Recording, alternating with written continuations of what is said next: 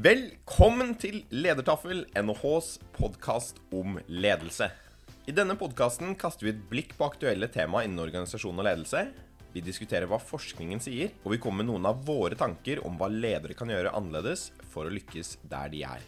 Mitt navn er Marius Jones, og jeg er ph.d.-stipendiat her ved Norges handelshøyskole. I denne episoden så snakker vi med Torfinn Harding, førsteamanuensis på NHH, om norske myndigheters respons på covid-19. Vi diskuterer avveininger mellom helse og økonomi, hvordan de økonomiske tilleggspakkene kan ha gitt uheldige insentiver for virksomheter, og i hvor stor grad myndighetene bør redde bedrifter fra konkurs i krisetider. Dette er også sesongens siste episode av Ledertaffel.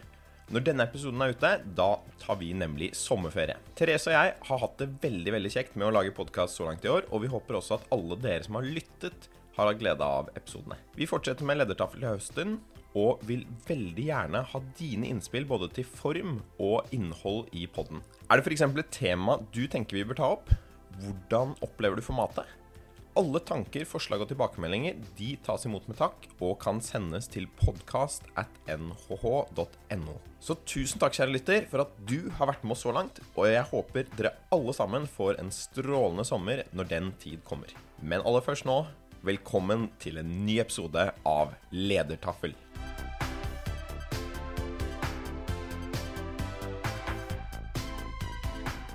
Så vi snakker om de økonomiske tiltakspakkene regjeringen har kommet med som en respons på covid-19.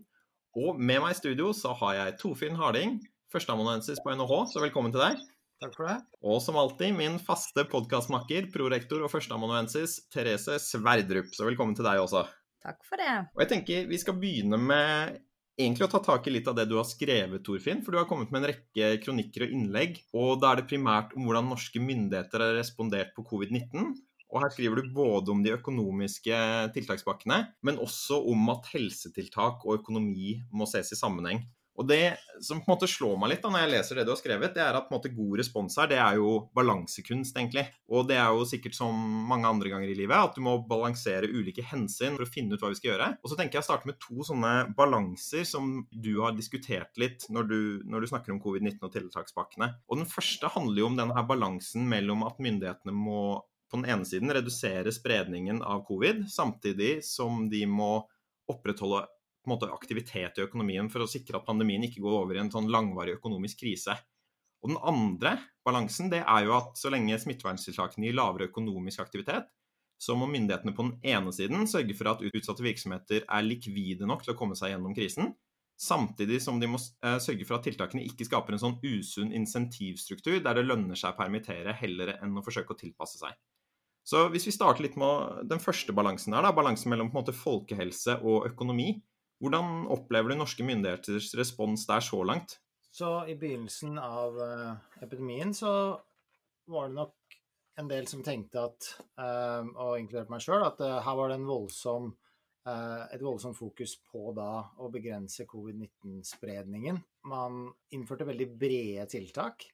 Og det var uklart for mange hva som var effekten av dette på nummer én covid-19. Og det ble en sånn opplevelse av at man innførte en del tiltak med svakt dokumentert effekt på covid-19 opplagt. Eh, men dokumentert er kanskje et strengt krav, men i hvert fall eh, en del basert på det kanskje lille, men tross alt det man visste om eh, epidemien på viruset på det tidspunktet, innførte man en del tiltak som kanskje ikke var så opplagt viktige for den epidemien, men som hadde store effekter på økonomien det er lett å, å, å nevne eksempler som, som, mange har nevnt skole og barnehage, ikke sant. Men det hadde et, et, eksempel på tiltak som har store økonomiske effekter. Men, um, men kanskje ikke var ikke så opplagt at det var så viktig for, um, for epidemien.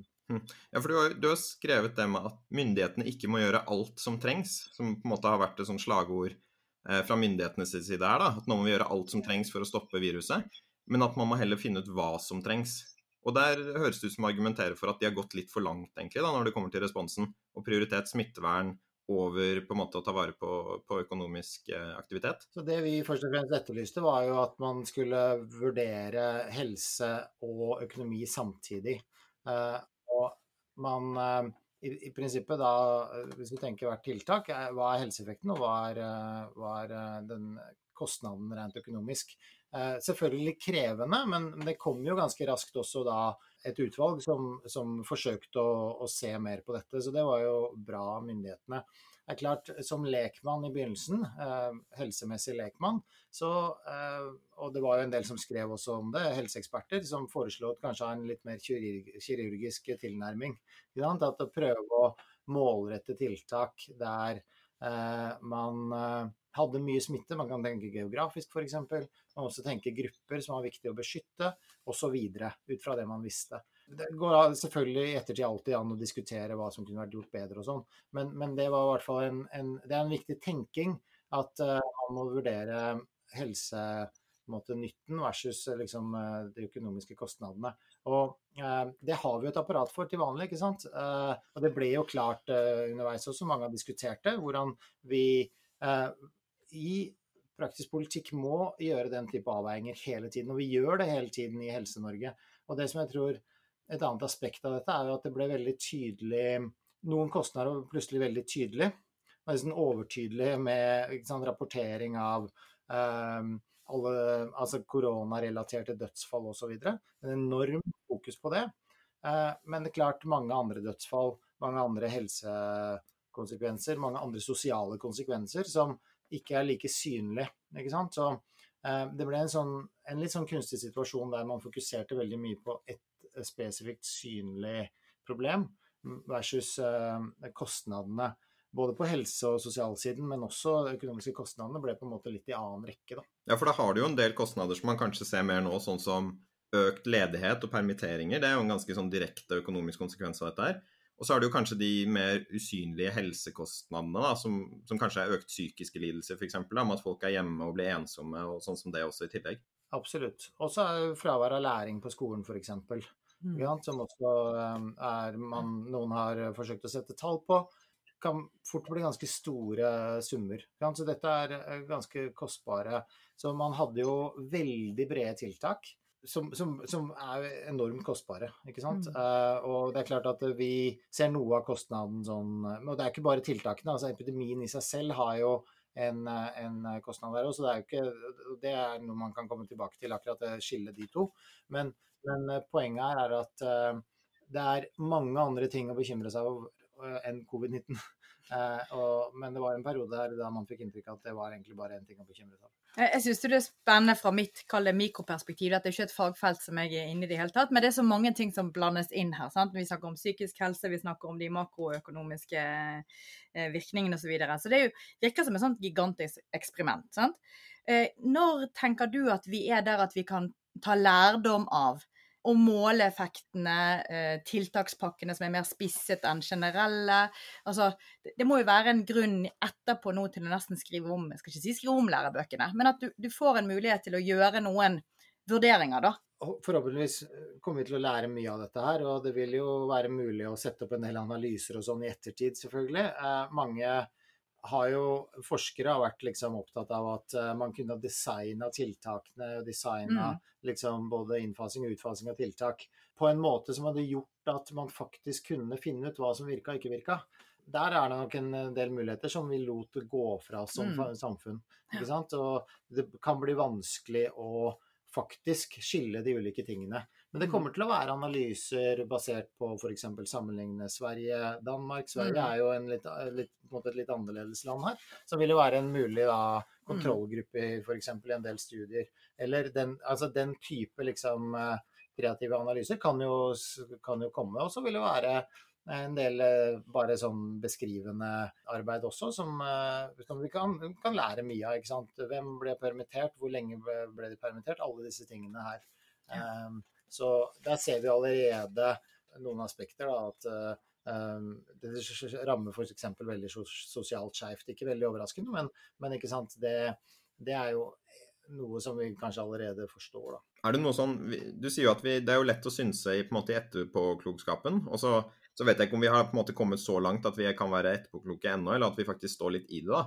Men hvis vi på en måte skal, skal bruke de etterpåkloke bildene da, for å si noe om den umiddelbare responsen i forhold til dette med å prioritere helse eller økonomi, Er det noe du vil si nå at dette skulle vi gjort annerledes, eller dette skulle vi gjort mer av eventuelt? Det er sikkert mange detaljtiltak liksom, tiltak man kan diskutere. En generell ting jeg har lyst til å si da, som samfunnsøkonom, det er jo at den ekstreme liksom, Der du gjør, uh, gjør alt av én ting og ingenting av den andre, er nesten aldri liksom, optimalt. da.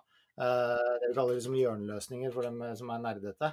I sånne avveininger så ender du ofte med å gjøre litt av hvert. ikke sant? Litt av, du ønsker, ønsker å ta vare på helsa, men ikke til enhver pris, f.eks. Uh, og det tror jeg er noe den uh, innfallsvinkelen uh, mangla. Men det, var, det, er, det, er, en politisk dimensjon her også, som jeg skal på en måte holde meg litt unna.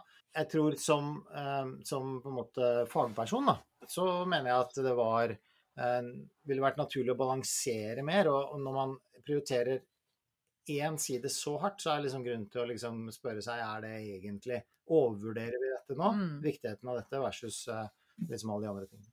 Opplever du, Jeg vet jo at dere er en gjeng som har gått sammen fra ulike institusjoner å, som samfunnsøkonomer for å diskutere disse tingene. Er det, er det en gjengs oppfatning det du sier nå, at uh, det ble kanskje for generelle tiltak, for press altså, mot det med helse, eller er det ulike oppfatninger?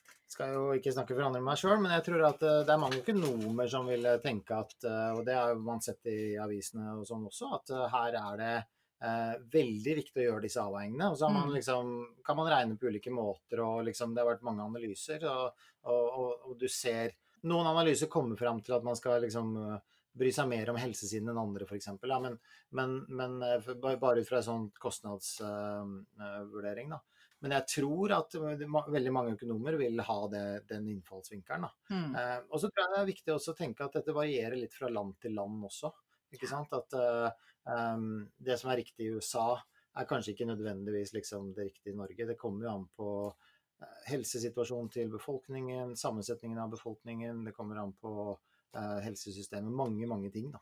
Hm.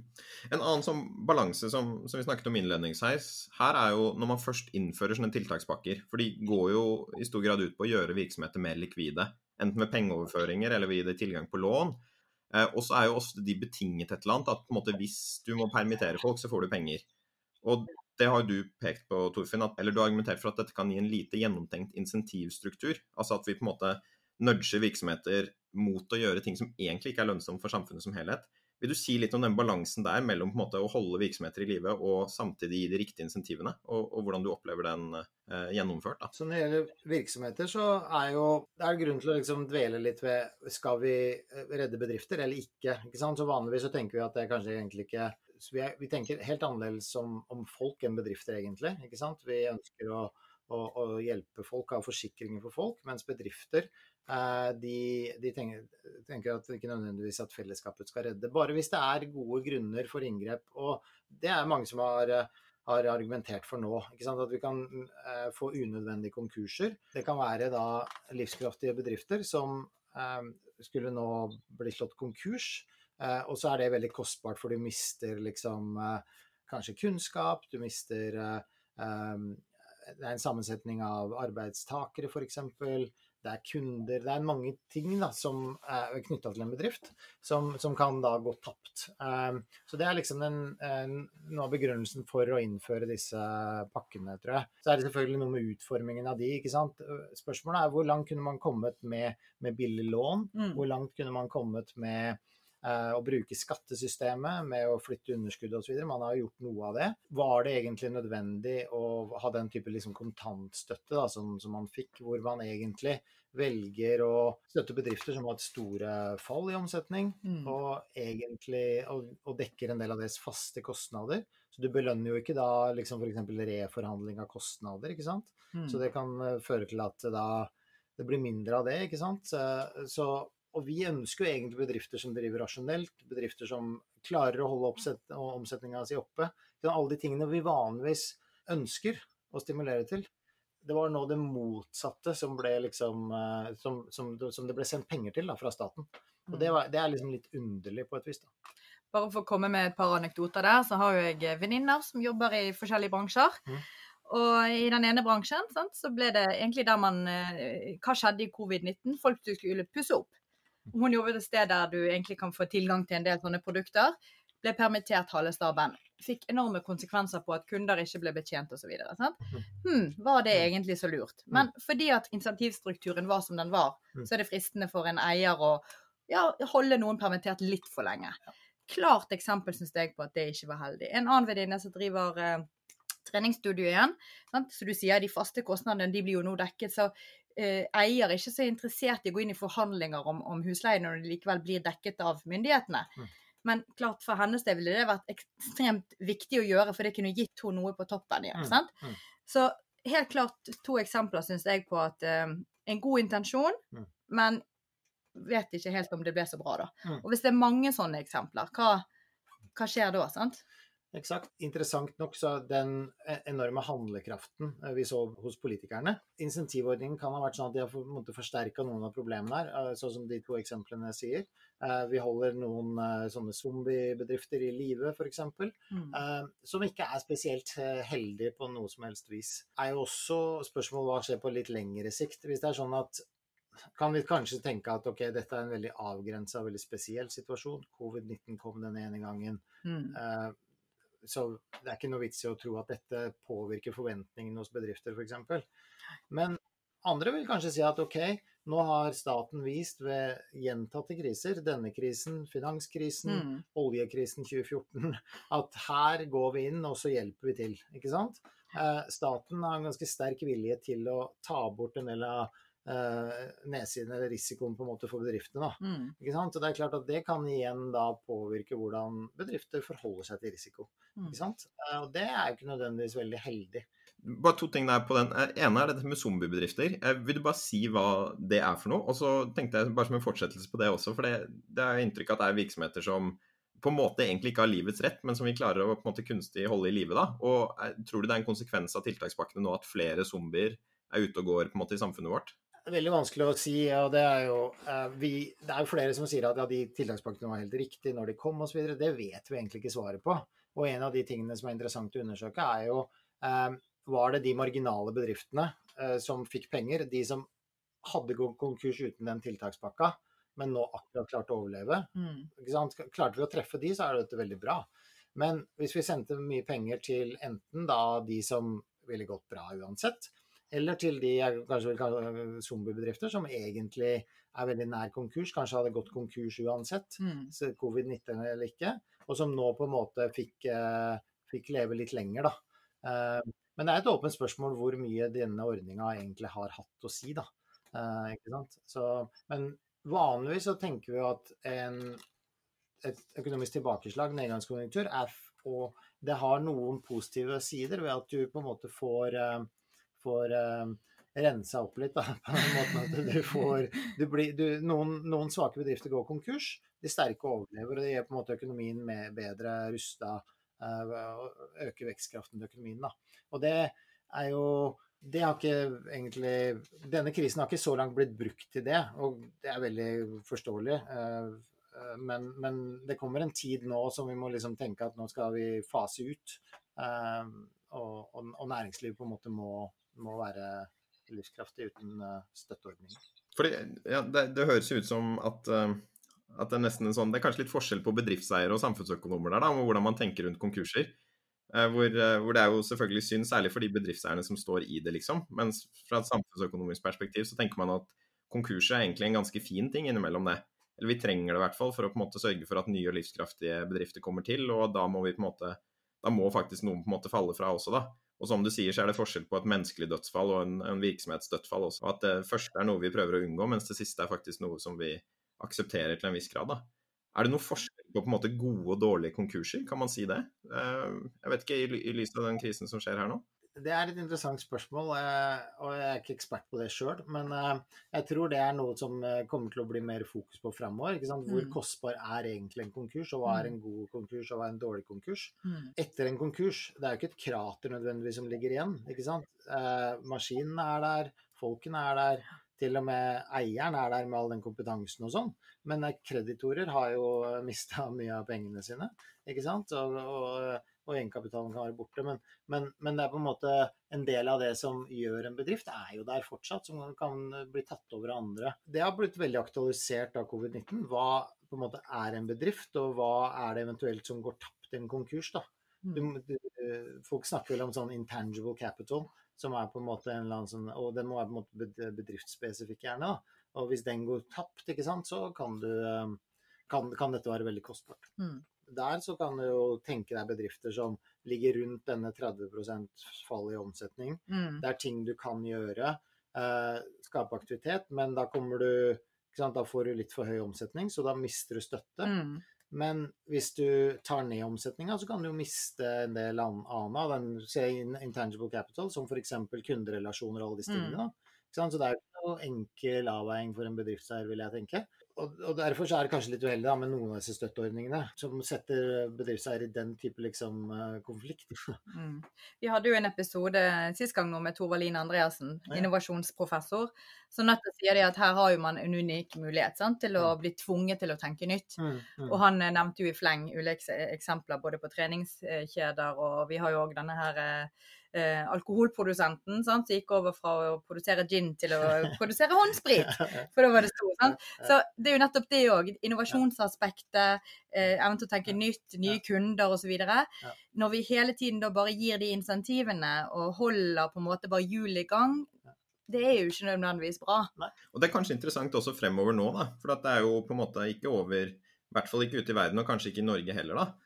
Så den lurer jeg litt på som om vi har noe vi kan på en måte lære av det som har skjedd, eller noe lurt vi kan si om hvordan vi bør organisere sånne tiltakspakker fremover. Er det noe vi kan gjøre for å på en måte treffe bedre og også insentivere riktigere nå fremover? Vi har ganske, som jeg sa tidligere, utvikla liksom ordninger i Norge. Mm. Og dette er ganske gjennomtenkt, ikke sant. Både, og det er, det, er, det er grundige analyser, gjerne utvalg, som, som har kommet fram til og foreslått, og det er politisk bestemt osv. Så, videre. så er det noe med at man liksom Kanskje ikke vi nødvendigvis har sett disse pakkene vi har nå i det siste. Hva vet jeg, F.eks. permisjonsordning. Kanskje er en grunn til at ikke staten tar hele regningen, Mm. f.eks.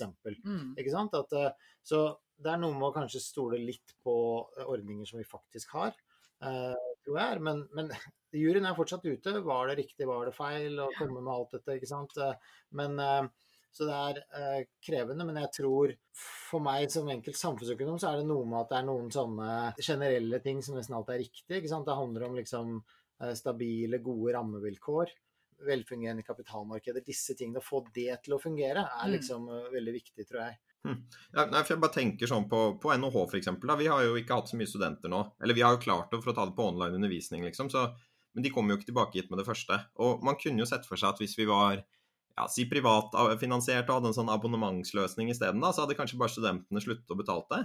Og da hadde jo selvfølgelig alle vi fortsatt vært der, ikke sant. Det var ingen professorer som hadde dødd av den grunn, og skolebygget hadde fortsatt stått der og alt mulig. Men jeg bare tenker på den opprydningsjobben som måtte til for å få samlet alt dette her, da, og få skolen opp på beina igjen. Det høres jo ut som det er en sånn kostnad som, som ligger der av konkurser allikevel, liksom. da, Som eh, isolert sett bør tilsi at vi bør på en måte være sjenerøse med, med på en måte bevilgningene for å få folk til å leve gjennom dette her. For det er vel et gode hvis virksomheter som egentlig har livets rett, reddes gjennom dette? Eh, absolutt, eh, det kan være det. Men det kan jo være at eierne hadde gjort det uansett, da. Og Mm. at man hadde klart å få det til uansett. Hvis du sammenligner da med en del universiteter i USA f.eks., så tror jeg situasjonen er ganske annerledes. Jeg snakker med venner som jobber der. Så det er Mm. klart at det der er en eh, Hvis du er privat universitet, og studentene ikke har fått lov å komme på campus nå, du er ganske opptatt av å få åpna etter sommeren. for ellers så betaler de kanskje ikke. Og da er det, og de bor ikke på dormitories og disse tingene. Da er det enorme inntektstap, ikke sant. Så du kommer til å se ansettelsesstopp. Det er en del, del sånne liksom ordentlig reelle effekter. Så der er klart det er kreativt. Eh, hvordan få studentene på en trygg måte tilbake på campus. Da. Og det er jo absolutt i høysetet her på NHH også. Nå er vi privilegerte og en statlig institusjon, og ingen eh, på en måte er ute etter at vi skal betale bak skolepengene for de ikke fikk de det produktet de hadde eh, fått. Eh, Men det er nettopp det som er interessant. Hvordan skal vi åpne opp campus igjen? sant? Og få, eh, vi vet jo det. Interaksjon face to face osv. er jo det er ikke borte. Det, vi trenger det. Mm. Men det er det å finne den rette balansen. Så det er selvfølgelig mange hensyn å ta. Vi driver med balansekunst, vi òg, altså. Ja, absolutt. vi en ting med også disse tiltakene er at de har kostet litt, og noen må ta denne regninga. Eller vi må finansiere disse tiltakene på en eller annen måte. da. Og det som jeg syns er litt spennende, som vi sikkert kan komme inn på der, er jo at hvordan regningen fordeles, kan påvirke hvordan ulikhet eh, utvikler seg, både i Norge, men også mer globalt også. Det har jo vært spennende i, i lys av andre kriser, hvor mitt inntrykk er at, eh, at den også har blitt fordelt ganske skjevt, altså. Og at av og til så har den kanskje vært fordelt litt sånn usosialt også. Eh, Men eh, du har snakket om en del sånn ulike alternativer for hvordan denne regningen kan tas. Vi kan f.eks. si at vi kan bruke oljefondet. Det går jo da utover fremtidige generasjoner. Vi kan øke skattenivået. Det kan være ganske dyrt. Eller så kan vi i større grad på en måte la investorer ta regningen. Og Der har jo du skrevet at vi bør være bekymret over at myndighetene nok en gang skal redde investorene. Det som er jo noe myndighetene her på en måte har gått inn og gjort. Vil du si litt om på en måte finansieringen, eller ulike på en måte alternativer for hvordan vi skal ta regningen for dette her? Ok, jeg har flere ting, da. Eh, Men det ene er jo det vi bruker av eh, Ta det med statsbudsjettet. Så er det klart at eh, i Norge så er jo det en overføring fra oljefondet. Eh, Og den må jo eh, finansieres eh, i Norge, akkurat som andre steder. Enten ved at Fordi oljefondet blir jo mindre, Mm. ikke sant. Sånn at enten så må man ha da høyere skatter. Eller man må ha lavere offentlig forbruk i framtiden enn det man ellers ville hatt. For nå har vi brukt en del av oljefondet. ikke sant? Og så jo, har vi jo et etablert skattesystem og sånn i Norge for hvordan det fordeles. ikke sant? Så, så sånn sett så tenker ikke jeg at nødvendigvis at koronapenger er så veldig annerledes enn andre penger. Det er jo litt tilbake til det vi har snakka om Mm. tidligere også. ikke sant? Det er mange avveininger vi gjør i livet og i økonomien hele tiden, og på statsbudsjettet. Eh, og jeg tror det er ikke heldig å tenke ok, vi har koronapenger og andre penger, egentlig. Eh, så, så, så det er alltid sånn. Når vi bruker mer penger over statsbudsjettet, så må det finansieres. Det, det må gjøres i Norge, det må gjøres i andre land nå. Vi har et oljefond vi har spart på forhånd. Andre land kanskje låner opp og dermed sparer i, på, i etterkant. Mm. Altså, det er ikke noe eh, stor forskjell er sånn. Eh, Når det gjelder dette poenget med, med investorer og redde investorer, så er det tilbake til dette med at hva er det staten på en måte skal tilby forsikring for, nær sagt. da? Fordi det ble jo snakka veldig mye under eh, finanskrisen om at eh, de private investorene de tar eh, gevinsten, og så tar fellesskapet kostnaden. ikke sant? Så sosialiserer disse kostnadene. ikke sant? Og det ser ut til å være på god vei til å gjøre denne gangen også. ikke sant? At, eh, men, men kanskje det er mer lettere å forsvare denne gangen enn under finanskrisen. Mm. For eksempel, det er jo krevende politiske vurderinger, men jeg tror et system der, liksom, der investorer hele tida blir redda, det gjør noe med liksom eh, hvordan man forholder seg til risiko osv. Og, så og det, det, det, har, det har ikke heldige insentiver. Sant? Det er eh, poenget der at noen ganger som eier så må man, fordi man tjener godt i gode tider, eh, så må du også ta noe risiko da i dårlig, ta noe tap da i dårlige tider. Mm. Men eh, Marius nevnte jo det med implikasjoner for ulikhet. Mm. Sant? At eh, de som allerede har mye fra før av, har nærmest vært vinnerne Mm. eh, i, i krisen. Og de som har lite, får enda mindre. Har Mm. du noen tanker om det? Direkte effekten av krisen, altså hvis du ser bort fra finansiering et øyeblikk, så direkte effekten virker vel ganske klar. At det er jo mange av de som er le blitt ledige eller permitterte, de har jo Mange av de har jo jobba selvfølgelig i servicenæringer osv., Mm. hvor de har blitt hardt ramma. Um, men jeg tror ganske generelt at det er de med lav utdanning, lav inntekt osv. som har i større grad blitt uh, ledige, da. Mm. Uh, og det tror jeg du ser i USA, du ser det i Norge. Uh, og det er jo um, Ja, så det øker ulikheten direkte. Mm. eh, så både disse tiltakene også Og også, ja.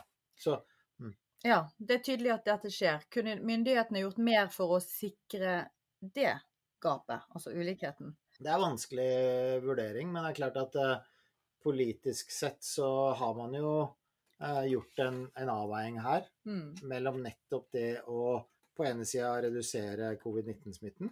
Mm. Uh, og vi visste jo at, i hvert fall basert på Italia osv., så, videre, så at det er først og fremst de eldre som eh, Og det ser vi også eh, egentlig vet du hva jeg skjønte i hvert fall for en måned siden, sånt, de så på de anbefalingene fra Helsedirektoratet osv., så, videre, så var jo det ikke sant, Det er de over 60 kanskje først og fremst Mm. eh, som, som har blitt eh, ramma og blitt syke. Ja, så det er jo en avveining her. at vi eh, det er jo en gruppe som eh, vi selvfølgelig bryr oss om. Og så er det mot da andre grupper, som f.eks. de som har mista jobben, som da kanskje har lav inntekt, har lav utdanning.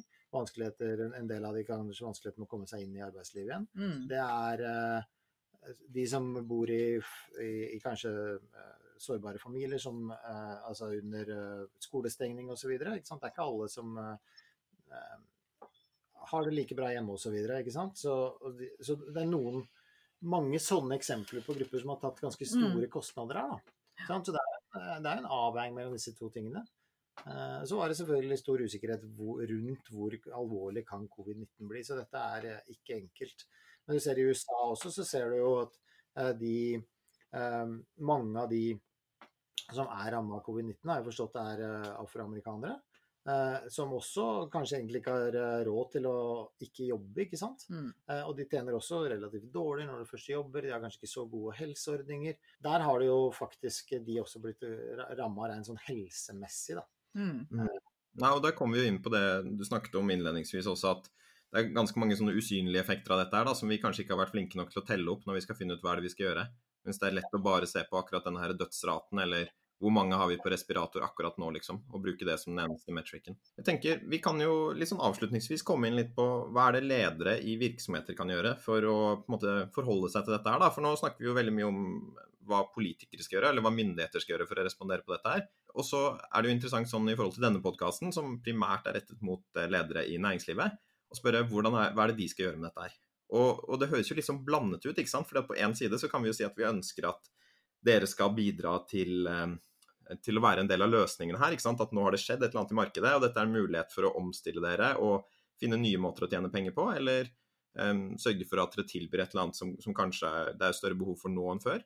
Og så Samtidig så virker det som det er en del ting som insentiverer virksomheter mot å heller eh, permittere folk og, og, kanskje ikke være så omstillingsvillige som, som før. Jeg vet ikke, hva, hva, tenker du rundt dette, Torfinn? Hva tenker du at virksomheter bør tenke på når de skal finne ut hvordan de skal møte dette? Jeg synes Et interessant aspekt ved denne krisen er dette som handler om eh, de atferdsendringene mm. som vi har sett hos folk. Mm. Eh, og betydningen av at det folk liksom selvregulerer, da, for å kalle det det. Så vi har hatt myndighetenes uh, tiltak for å uh, dempe splittespredning.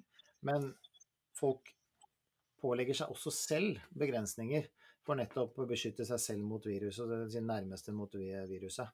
Ikke sant? Og det har nok uh, Det skal bli spennende å se hvordan det spiller seg ut nå framover. For nå har vi blitt ganske godt uh, opplært uh, i disse smitteverntiltakene på individuell basis. Det kan gjøre at uh, hvis det er fare for oppblomstring, at man ikke får kanskje åpna opp alle deler av økonomien like raskt. Da, som man, det er ikke bare å skru av de tiltakene, og så er kanskje folk tilbake på, på restauranten sånn som de var. Hvem mm. vet.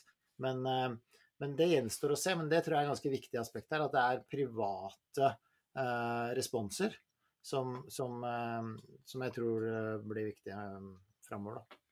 Jeg tenker òg at det er jo dette med prioriteringen igjen, da. sant? Som en bedriftsleder eller eier eller hva det nå er. Du skal liksom ta vare på dine ansatte som kanskje er engstelige. De, de skal sendes ut, de skal trygges. Du skal ha det økonomiske. Du skal også ta ansvar for, eh, fordi at du har en, eh, en bedrift der ute som eh, sant, er i en konkurransesituasjon som er helt ny osv. Så, videre. så plutselig er det ganske mange hensyn å ta for en som har hatt en vanlig måte å tenke på, da. Mm, sant? Mm, mm. Og så kommer dette så, så, vi som utdanningsinstitusjon har jo kanskje òg et ansvar etter hvert for å kanskje tilby noe kurs. Så vi har jo faktisk denne høsten som kommer nå, åpner vi jo opp for at uh, folk kan søke på de ordinære kursene på NHH for å ta enkeltemner. Og det er jo nytt, fordi at myndighetene har sagt at uh, vi må hjelpe folk med å få kompetansehevingstiltak. da. Ja. Så, så, der er det vel Snart skal det legges ut en liste, tror jeg, på NHH.no, der du ser hvilke kurs man kan søke på. Men det at folk passer på seg sjøl, er jo å si, og er liksom spirit i håp også. Da, ikke sant? Fordi folk er veldig ansvarlige, oppført seg veldig i, i henhold til tiltakene osv. Og, så uh, og det kan godt hende at vi kommer til å se mye av den ansvarlige atferden framover også. Så det, det, dette kommer antagelig til å gå ganske bra. da. Mm. Nettopp fordi at folk vet og Så lenge folk er informert, så, så tar de ansvar. Da. Ha, har du sjøl noen tanker om noen forskningsprosjekter du vil uh, sette ut i livet etter dette? Ja, så et uh, tema som jeg syns er veldig interessant, er nettopp dette med uh, tiltakspakkene. Ja. Så vi har va vårt vanlige system som handler om altså enkle ting som å flytte underskudd over tid osv. Hvor langt kunne man kommet med det? Hvor godt fungerer Ja, det? som et alternativ. Eh, Som et alternativ. Og vi, vi, eh, dette ble jo eh, gjort også under finanskrisen, både Mm. i eh, hvor man også kunne eh, føre underskuddet eh, mot eh, skatten betalt året før.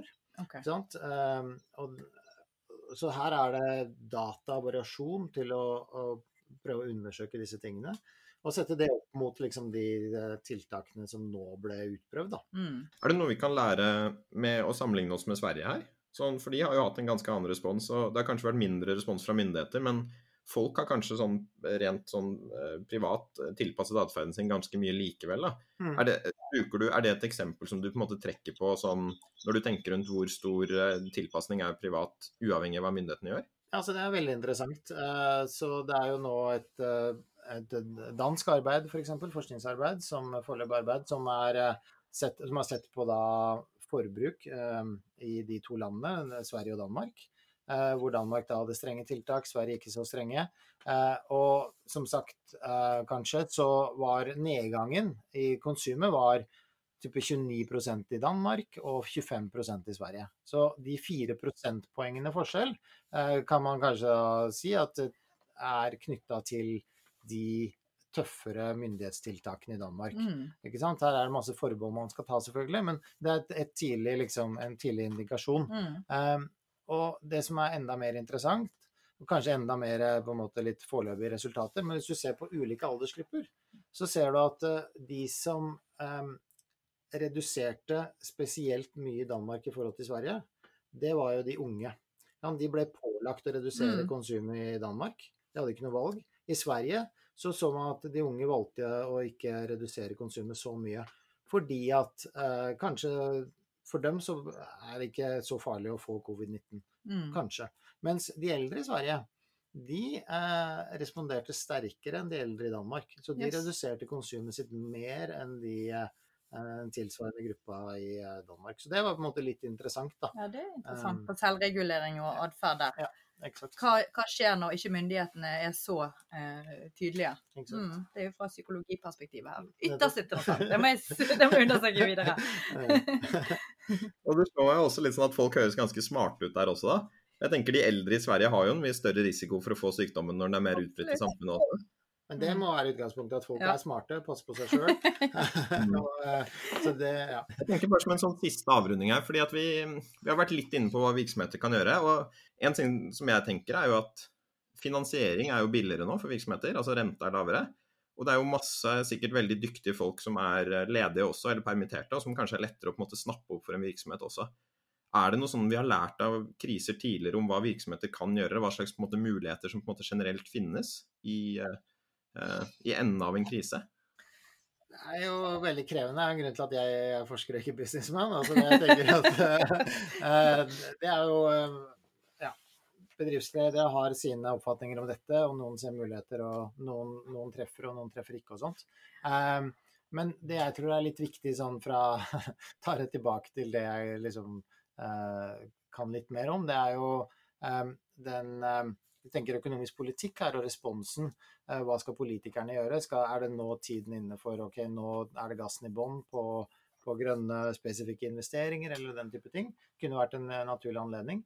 Og jeg, er, jeg har ikke noe mening om, om mot det for så vidt, men det jeg tror er liksom viktig, er å tenke at politikere er ikke så veldig flinke nødvendigvis til å finne ut akkurat hvilke investeringer som er eh, lure framover. Jeg tror ikke forskere, i hvert fall ikke meg sjøl, er spesielt liksom, uh, flink til dette. Uh, Men jeg tror så rollen til politikerne blir mer å legge til rette gode rammebetingelser som Mm. er ganske nøytrale, ikke sant? som ikke favoriserer veldig spesifikke bransjer, spesifikke tiltak. Eh, Og så da tror jeg helheten blir ganske bra. Kult. Jeg syns det der er en, egentlig en god avrunding. Tusen takk for at du eh, kom, Torfinn. Jo, takk for meg.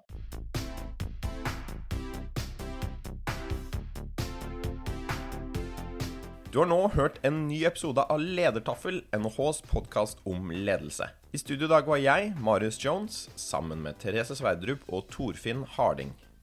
Om du vil vite mer om hva vi holder på med på Norges handelshøyskole, så finner du oss på nhh.no og ved å søke på NHH på Facebook. God sommer. Vi høres.